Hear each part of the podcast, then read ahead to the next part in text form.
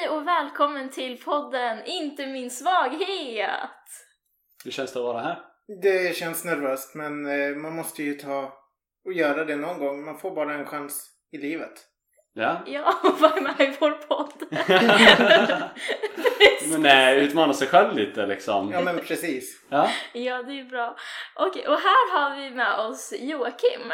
Joakim, kan du berätta lite kort om vem du är och så?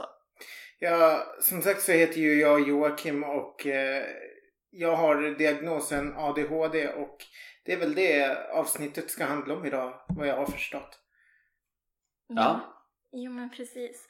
Ehm, och vi tänkte, i och med att ADHD påverkar alla så himla olika och alla vardagar och så. Och jag och Lukas, vi har ju ADHD, vi Ja. med.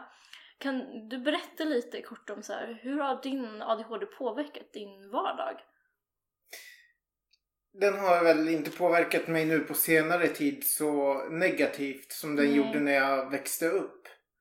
Så att eh, det är inte mycket att berätta om just vuxenlivet men lite Ja. mer om barndomen finns det ju. Mm.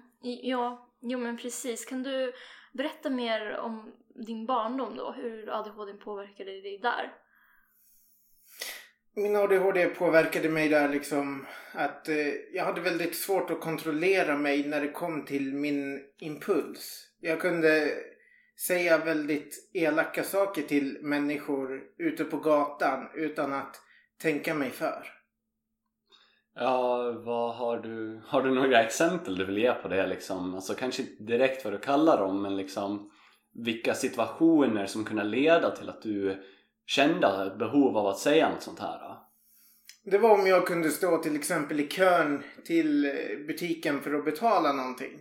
Och så kommer någon och liksom eh, kanske knuffa till mig och eh, gör det kanske inte med flit men att, det, att jag upplevde det som att det var eh, med vilje. Vilket gjorde att jag kunde be människan basically att dra åt helvete. Ja, okej. Oj. Ja, det kan påverka en allvarligt. Och eh, kan du berätta mer om just det här med din skolgång och sådär? För det måste vara en väldigt stor del av, av. Ja, det har ju varit en väldigt stor del utav min uppväxt och att acceptera min diagnos som är ADHD.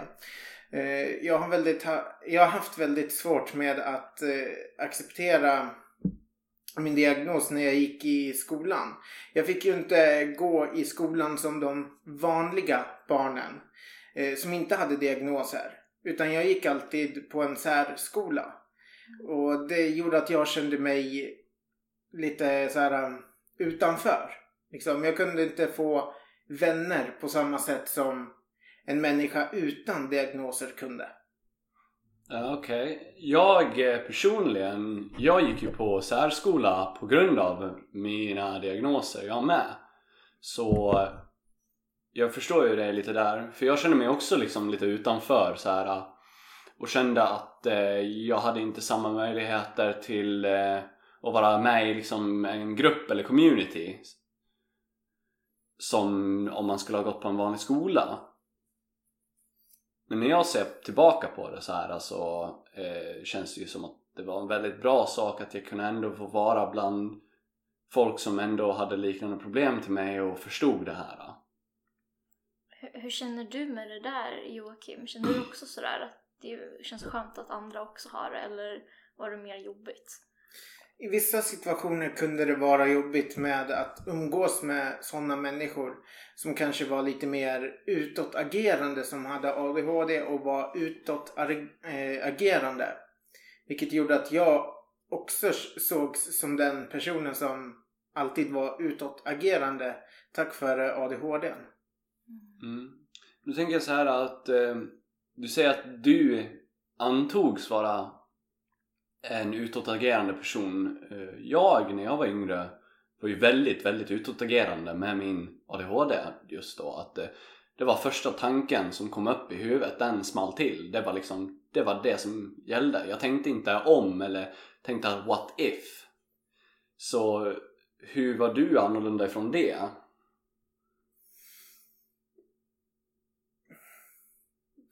Jag var annorlunda på det sättet att alltså jag upplevde inte mig som utåtagerande.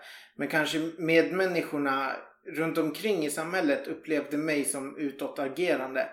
Även om jag kanske inte var utåtagerande ifrån mitt perspektiv. Mhm. Okej, ja vi, vi förstår. Och jag tänker lite på det här som du pratade om, din impulskontroll. Det är ju också vanligt inom ADHD. Kan, kan du berätta mer om hur din impulskontroll var då? Ja, jag kan nog börja med det att jag går på medicin som heter Concerta. Vilket Mm. gör att jag nu har lättare att kontrollera min impuls. Jag tänker före agerande. Och jag tänker till två gånger innan jag gör någonting. Innan jag gick på medicinen så kunde jag bara agera utan att tänka så att säga. Då fanns inte den banan. Nej, okej. Ja, Jag förstår. Och eh, just det här som du pratade om, det här med skolgången, den är ju verkligen jobbig för många som har ADHD. Kan du berätta mer om när du fick veta om din ADHD i livet? Eh, när jag fick reda på att jag hade ADHD, då, det kom liksom som en liten chock för mig. Eh, för jag trodde att jag alltid var liksom det här barnet som inte var normal, så att säga. Eh, så jag upplevde alltid att jag var annorlunda och inte som alla andra. Mm. Och just den här känslan av att uppleva att man är annorlunda, den kan vara riktigt jobbig ibland också. För väldigt många. Kan du, har du alltid känt så? Att du har varit annorlunda och så? När jag var liten kände jag väldigt mycket att jag var annorlunda. Jag kunde inte sätta ord på hur jag kände mig eller hur, em, hur jag var som människa innan jag fick diagnosen. Mm. Ja, jag kan, jag kan relatera lite där. För jag har också när jag var yngre kände mig väldigt annorlunda fast jag inte så hade fått diagnoserna än. Men, eller diagnosen än, men kunde ändå känna mig så. Och det är jobbigt och det kan också påverka ens relationer. Ehm, och så. Kan du berätta mer om just din skolgång hur det här med känslan av att vara annorlunda och ADHD har påverkat dina relationer? Det har ju påverkat mina relationer både negativt och positivt. Så det finns ju två sidor av samma mynt så att säga. Ja, kan du berätta om de eh, positiva erfarenheterna? Det är att jag har lärt mig att älska mig själv i första hand innan jag ger mig in i en relation. Eh, det hade jag väldigt svårt med när jag hade fått diagnosen och när jag skulle lära mig att börja leva med den. Så hade jag svårt att acceptera mig själv som den jag är. Jag tänkte så, jag tänker liksom så här att eh, det är svårt att få någon annan att tycka om dig om du inte tycker om dig själv. Så det, är- det är väldigt klokt det du sa att man ska tänka på att tycka om sig själv innan man försöker ge sig in på en relation. Det där, jag håller verkligen med. Det gäller ju inte bara om man har en diagnos. Det gäller rent allmänt kan jag tycka. Ja, det gäller ju alla. Gud. Definitivt. Och jag tänker liksom på det här som du berättar med att det här med att acceptera den du är och liksom din diagnos. För det är många som känner att shit, min diagnos, det är jag liksom. Men när det bara är en del av en själv. Eh, Kan du berätta mer om hur du lärde dig att acceptera dig, alltså just den, din, dina diagnoser, att du liksom har de här, att du har ADHD? Jag, jag hade ju en rutin varje morgon när jag var liten när jag fick, de här, när jag fick den här diagnosen. Att, att jag alltid skulle gå till spegeln på morgonen och prata med, liksom, med mitt inre jag. Som fortfarande levde kvar innan jag fick de här diagnoserna. För jag, kändes, jag kände mig som två olika personer. En person utan diagnoser och en person med diagnos. Hur, hur kommer det sig? Eh, Kan du berätta mer om det? Det var ju mycket, det som spelade mycket på det, det var när jag var ute med kompisar och vänner. Eh, vänner kunde liksom sitta och prata om basically vad som helst. Och eh, jag kände att jag inte kunde liksom relatera till samma eh, grejer som de kunde relatera, relatera till. Kan du ge något exempel på?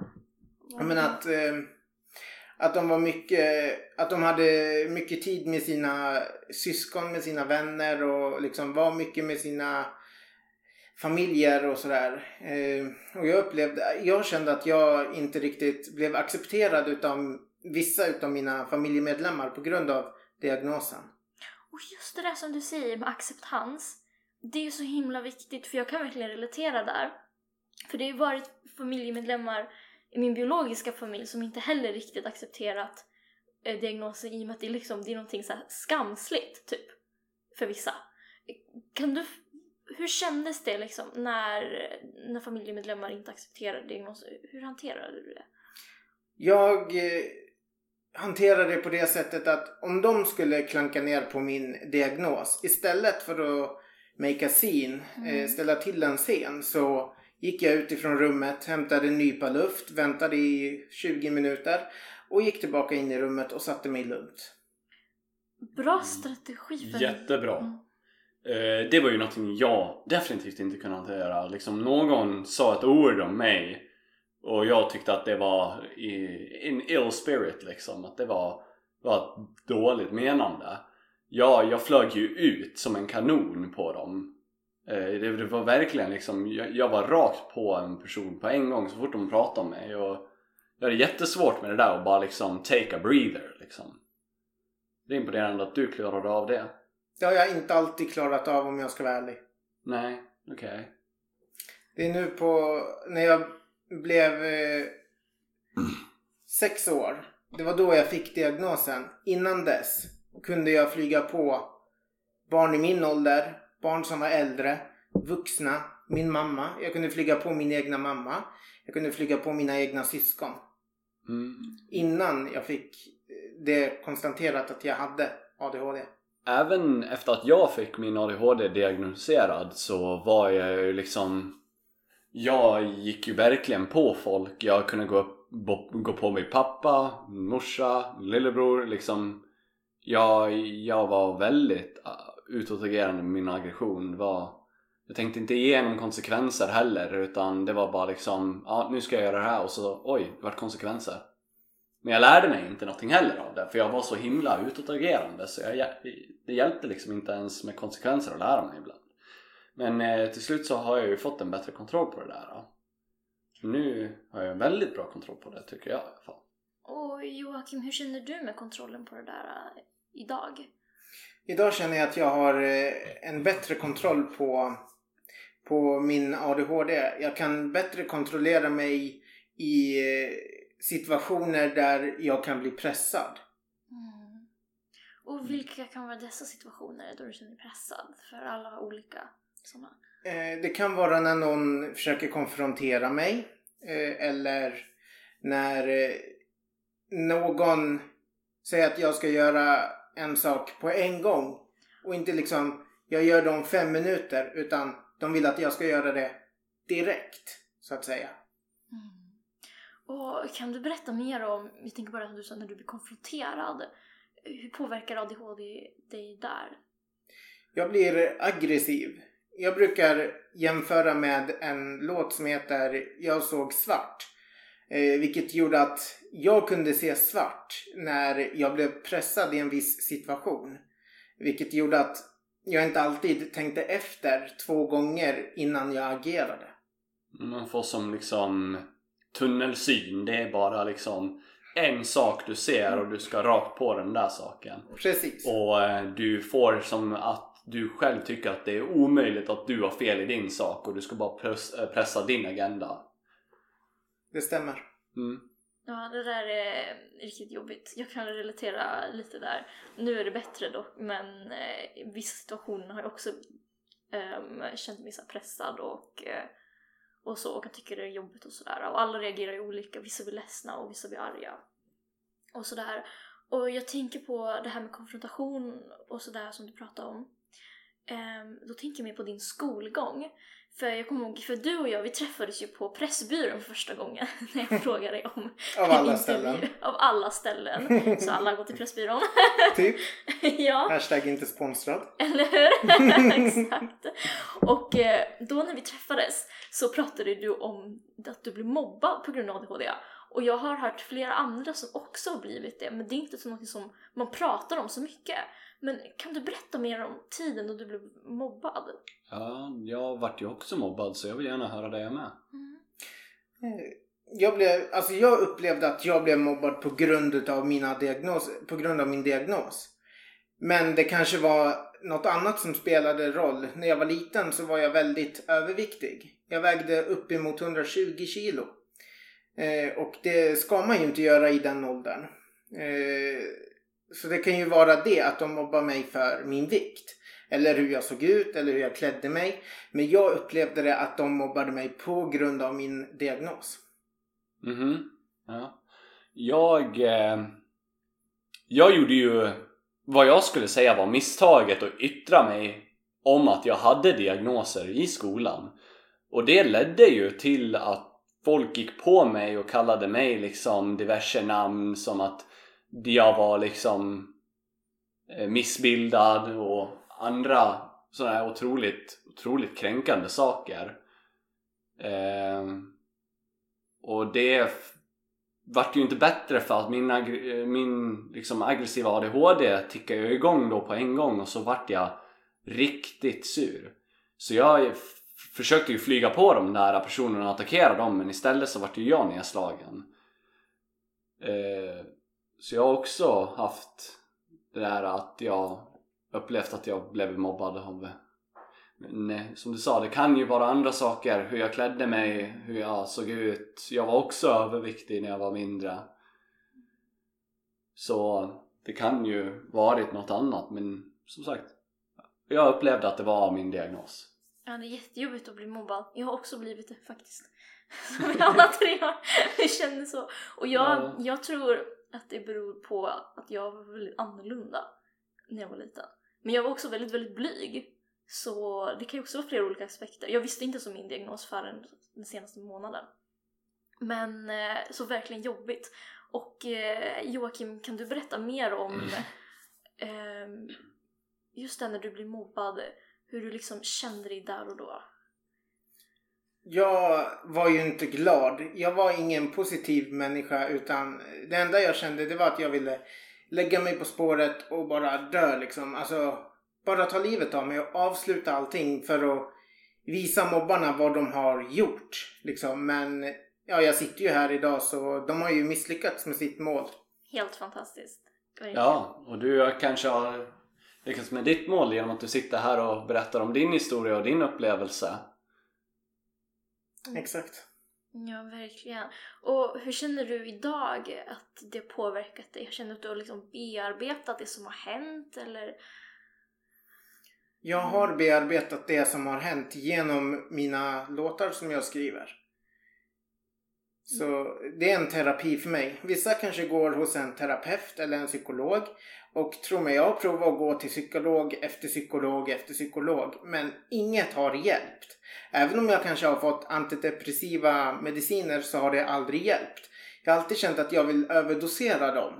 Eh, så det hade ju slutat med att min mamma fick låsa in eh, de antidepressiva medicinerna hela tiden efter jag hade tagit den dagens dos liksom. Okej, ja, jag förstår. Eh, men vad skönt att du känner att musiken har varit en, en terapi för dig. Eh, kan du berätta lite om vad de här låtarna handlar om? Låtarna handlar mer om relationer mellan olika personer som jag har haft. Antingen vänner eller flickvänner eller pojkvänner eller sånt där. Ja. Då tänkte jag, om du vill gå in lite mer på det här relationer. Du sa någonting tidigare här som inte var med i podden just att du ville prata om en viss relation som eh, hade betytt lite extra till dig kanske på både dåligt och bra. Det stämmer faktiskt. Och den relationen handlar ju om eh, att, eh, att jag var tillsammans med en tjej som jag och den tjejen kom inte alltid överens. Eh, vilket ledde till ganska många konflikter. Men aldrig att det blev aggressivt ifrån min sida. Men en dag så hade vi kommit hem ifrån semestern som hon hade tagit mig på när jag tog studenten. Eh, och då skulle hon konfrontera mig om en annan relation som hon hade med en annan kille som också var en kompis till mig. Eh, vilket gjorde att det ledde till att det var den sista droppen och då svartnade det och då såg jag bara henne och då ville jag bara flyga på henne. Så eh, vad hände då då? Vart det så eller tyglade du dig eller hur gick det vidare? tyvärr kunde inte jag tygla mig för den dagen hade inte jag tagit min medicin. För jag fick inte ta med min medicin ner till eh, landet vi åkte till på semester. Eh, med tanken på alla regler som finns med mediciner och sånt. Ja. Så fick inte jag ta med min medicin men när vi väl var där nere så kunde jag tygla mig till en viss del. Istället för att jag flög på henne bland folk eh, så lämnade jag bara henne och bara gick därifrån och var för mig själv i en halvtimme eller en timme så. Mm. Oj. Ja, man kan... En diagnos kan verkligen påverka ens relationer som Lukas tidigare sa på både gott och ont. Ehm, vad hände därefteråt med er relation? Vår relation tog slut kort därefter eh, eftersom att vi flög på varandra och det blev så illa att polis fick tillkallas och det blev en rättegång utav hela.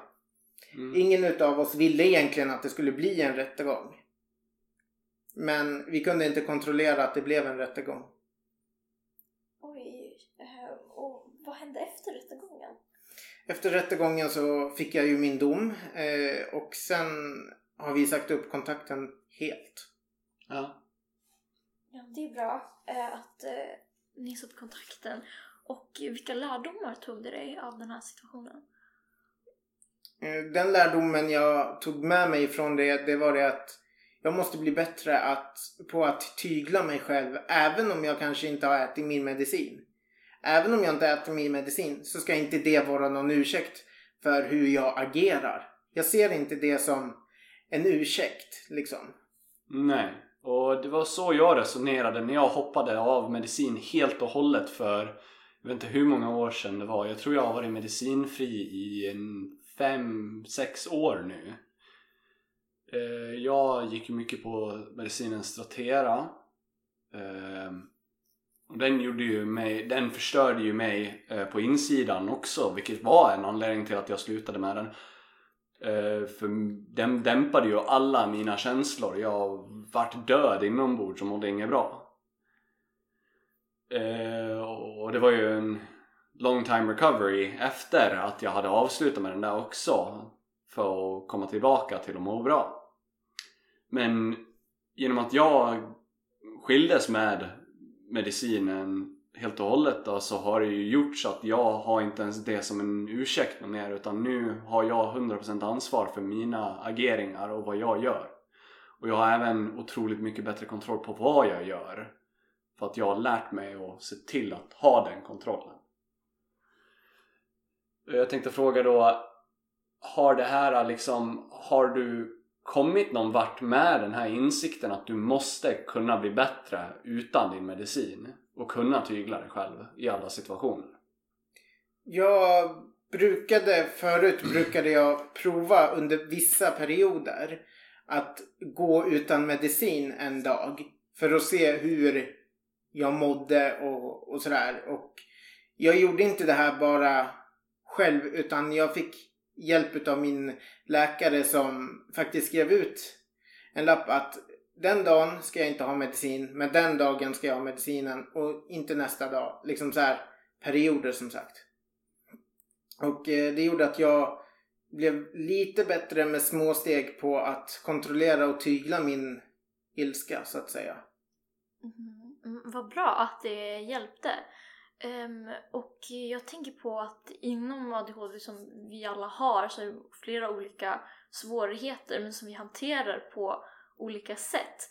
Ehm, kan du berätta om vissa svårigheter som, och hur du hanterar dem på olika sätt som har hjälpt dig framåt? När jag gick i skolan i gymnasiet då hade jag väldigt svårt att sitta i en stor klassgrupp. Jag hade alltid för mig att jag ville sitta med en och samma person hela tiden och samarbeta med den personen. Och när jag inte fick som jag ville, istället för att ja, ställa till en scen, så satte jag mig för mig själv. Eh, I skolan så hade vi en sån här um, skärm, så att säga, eh, som man kunde dra för om man ville sitta själv. Så om vi hade till exempel en lässtund eller något sånt där och jag kände att nej men jag vill inte sitta framme bland de andra. Då fick jag alltid gå och sätta mig i den fåtöljen och dra för liksom, eh, den lilla divanen där och sitta och läsa för mig själv. Det var så jag hanterade de situationerna. Okej. okay. vad bra att du känner att det, där, att det hjälpte. Och det har faktiskt hjälpt mig någon gång också när jag har känt att kanske någon situation känns pressande och liksom att bara gå undan och vara en stund för mig själv. Har, det hjälpt dig Lukas?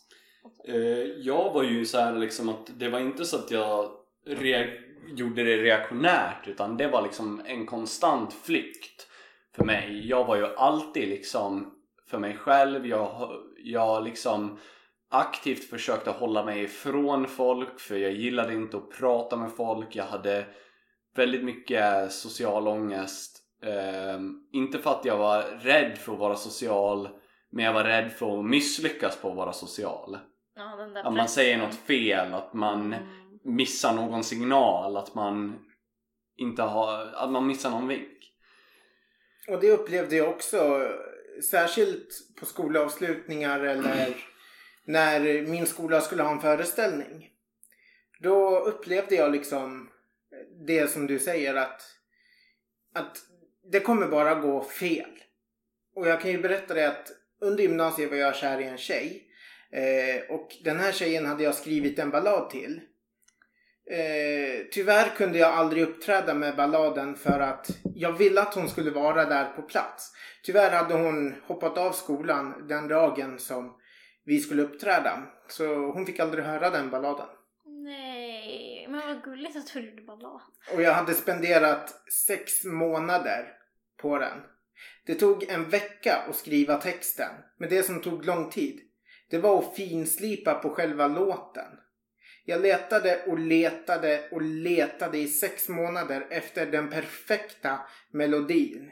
Och när jag väl hittade den så provade jag att köra med den melodin med den texten jag hade. Och jag fick rysningar och den passade utmärkt för den förklarade exakt hur jag kände mig. Oj. Oj. Men fick hon någonsin veta om den här balladen? Jag berättade ju på senare tid eh, om balladen och eh, hon har inte brytt sig. Hon har varit känslokall. Oj. Och hur kändes det för dig? Jag upplevde det som att hon gjorde det med flit för att ställa mig i ett dåligt ljus, så att säga. Och eh, varför känner du så liksom? För att eh, ena dagen kunde hon vara som en krona, nästa dag kunde hon vara klave. Och det jag menar är att hon kunde vara snäll, glad, positiv och liksom god och härlig. Och nästa sekund kunde det vända liksom lika fort. Ja, jag fattar. Ja, det är jobbigt när man börjar gilla någon och sen så spenderar mycket tid för att visa det och sen så får man inte det tillbaka. Precis. Ganska, ganska jobbig känsla och är det verkligen. Och eh, hur, eh, hur känner du att det påverkat dina relationer idag av att få de här eh, erfarenheterna i bagaget? Först av allt så har jag lärt mig att inte skriva en ballad direkt. Utan låta det gå kanske en månad eller två.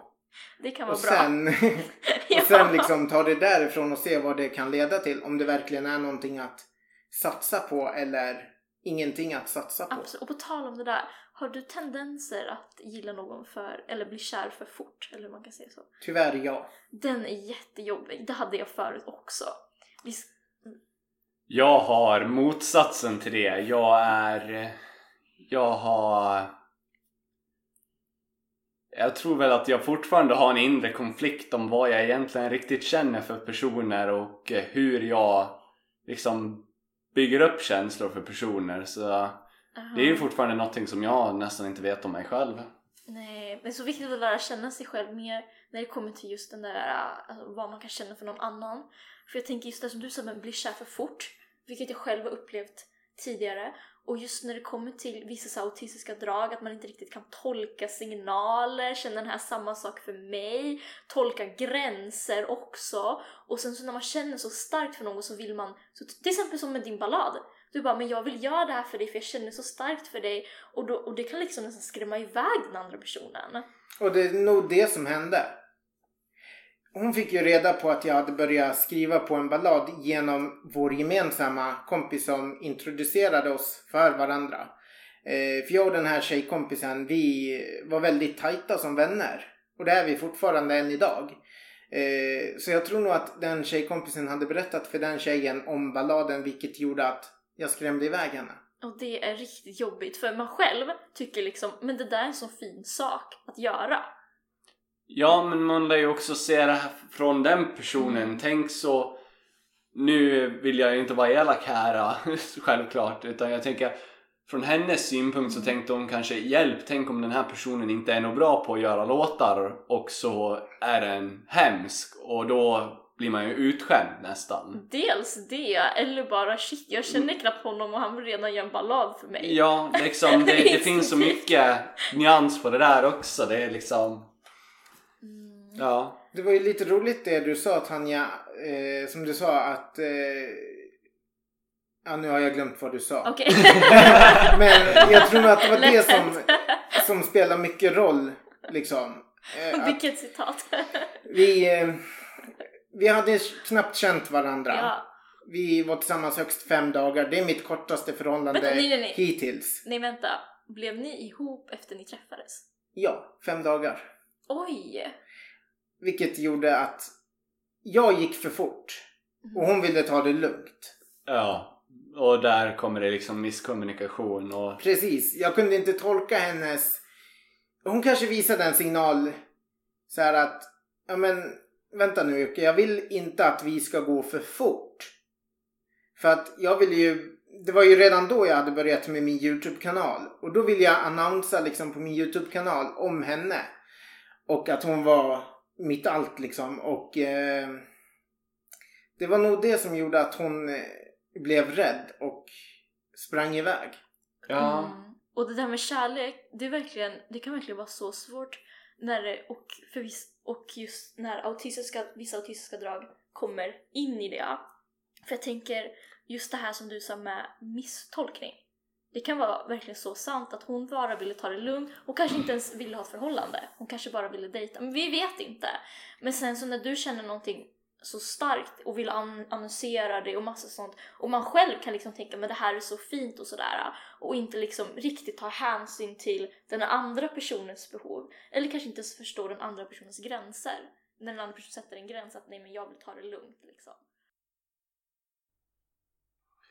Så eh, när det gäller liksom dina funktionsvariationer, eller din ADHD mest då. Eh, har du fått någonting positivt utav den? Liksom, har du kunnat utvunnit något från den som inte bara ger dig dåliga konsekvenser eller negativa saker generellt liksom? Ja, då kommer vi ju tillbaka det som, till det som jag sa i början. Att acceptera sig själv och älska sig själv. Och med min diagnos så har jag fått lära mig att älska mig själv och acceptera mig själv för min diagnos. Det här med att acceptera sin diagnos, att man har den, att den finns, men ändå kunna älska sig själv. Det är verkligen så viktigt att göra, men samtidigt svårt också. För jag kommer ihåg dagen då jag fick min diagnos, jag kände mig bara så bottenlös. För jag bara såhär, vad fan, är det, om folk får veta att jag har autism, kommer de vilja hänga med mig? Blir det här dealbreakers för någon person jag dejtar? Just för alla fördomarna kopplade till diagnoser. Men jag tycker ändå det är så viktigt att du att träna på det här. Är det någonting som du kontinuerligt tränar på så daily basis? Att liksom tycka om dig själv och så? Trots diagnoserna. Det är det som jag sa i början när jag var liten, när jag väl Mm. fick diagnosen. Att jag varje morgon som en basis går till spegeln, pratar med mig själv och accepterar att det här är jag, det är mitt liv nu. Mm. Det finns ingen utväg. Nej! Gud har bestämt att jag ska gå den här vägen med min diagnos. Mm. Mm. Mm, Ja, det är ju verkligen väldigt bra att eh, påminna sig själv om att man har en diagnos. Den finns där, men sen så får man nyttja och använda sig av styrkorna inom en diagnos också och hantera det svåra. Och kan du berätta om någon styrka som du ser med din ADHD? Det är att jag, den styrkan jag upplever med min ADHD, det är att jag är väldigt kreativ och vill, när jag väl känner någonting, om det är något hemskt som har hänt eller om det är något positivt, då finns det ingenting som kan sätta stopp för mina ord. Och det är ju där min musik kommer in igen. För varenda känsla jag får skriver jag ner på papper och lägger till musik.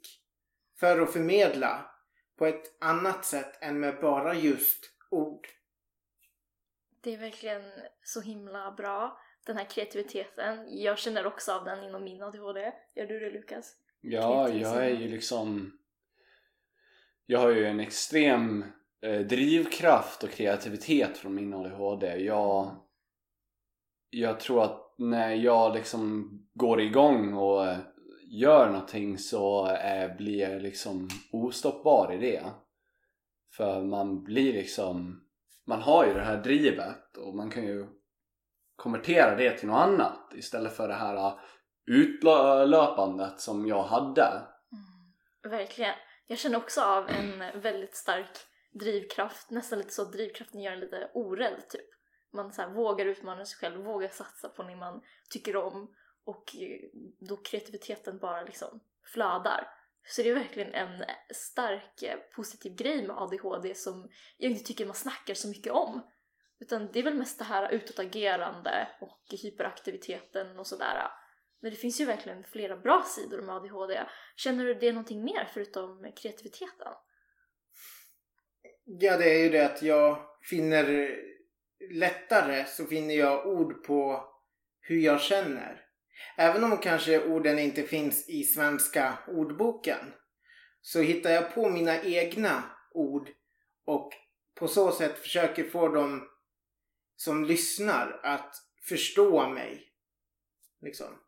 Okej, verkligen bra då att du har hittat din väg via musiken. Att kunna sätta ord på saker och känslor och sådär. Eh, Jag tänker, vad skulle du vilja säga till någon som har sin ADHD, känner sig så himla till exempel konstig, kanske har blivit mobbad för. Lost. Mm, vad skulle du säga till en sån person? Ja, hoppet är inte ute och eh, om du gör som jag. Varje morgon, gå till spegeln, säg att det här är jag, det här är mitt liv med min diagnos, nu får jag leva med det. Och gör det dagligen i kanske två år beroende på person till person. Mig hjälpte det ju ett år med men det är ju som sagt beroende på när man fick sin diagnos så det är det som också spelar roll. När man fick diagnosen så om man fick den nyligen så kan jag rekommendera att man håller på minst två år med det här att acceptera sig själv. Och i slutändan så kommer man uppleva samma upplevelser som jag. Att man blir mer positiv och glad. Verkligen, det är så viktigt. Eh, absolut, för ens ADHD är verkligen inte endast en persons svaghet. Precis. Mm. Tusen tack för att du var med i vår podd Joakim! Verkligen. Tack Mm. så mycket. Jag har verkligen haft kul med den här konversationen. Jag med. Jag med. Ja, vad kul! Ja! Tack för att jag fick komma. Absolut! Verkligen kul att ha dig här. Och tusen tack till er som lyssnar. Hoppas verkligen att, eh, att ni har fått lite mer nyare perspektiv när det kommer till ADHD. Och eh, kom alltid ihåg att din diagnos inte endast är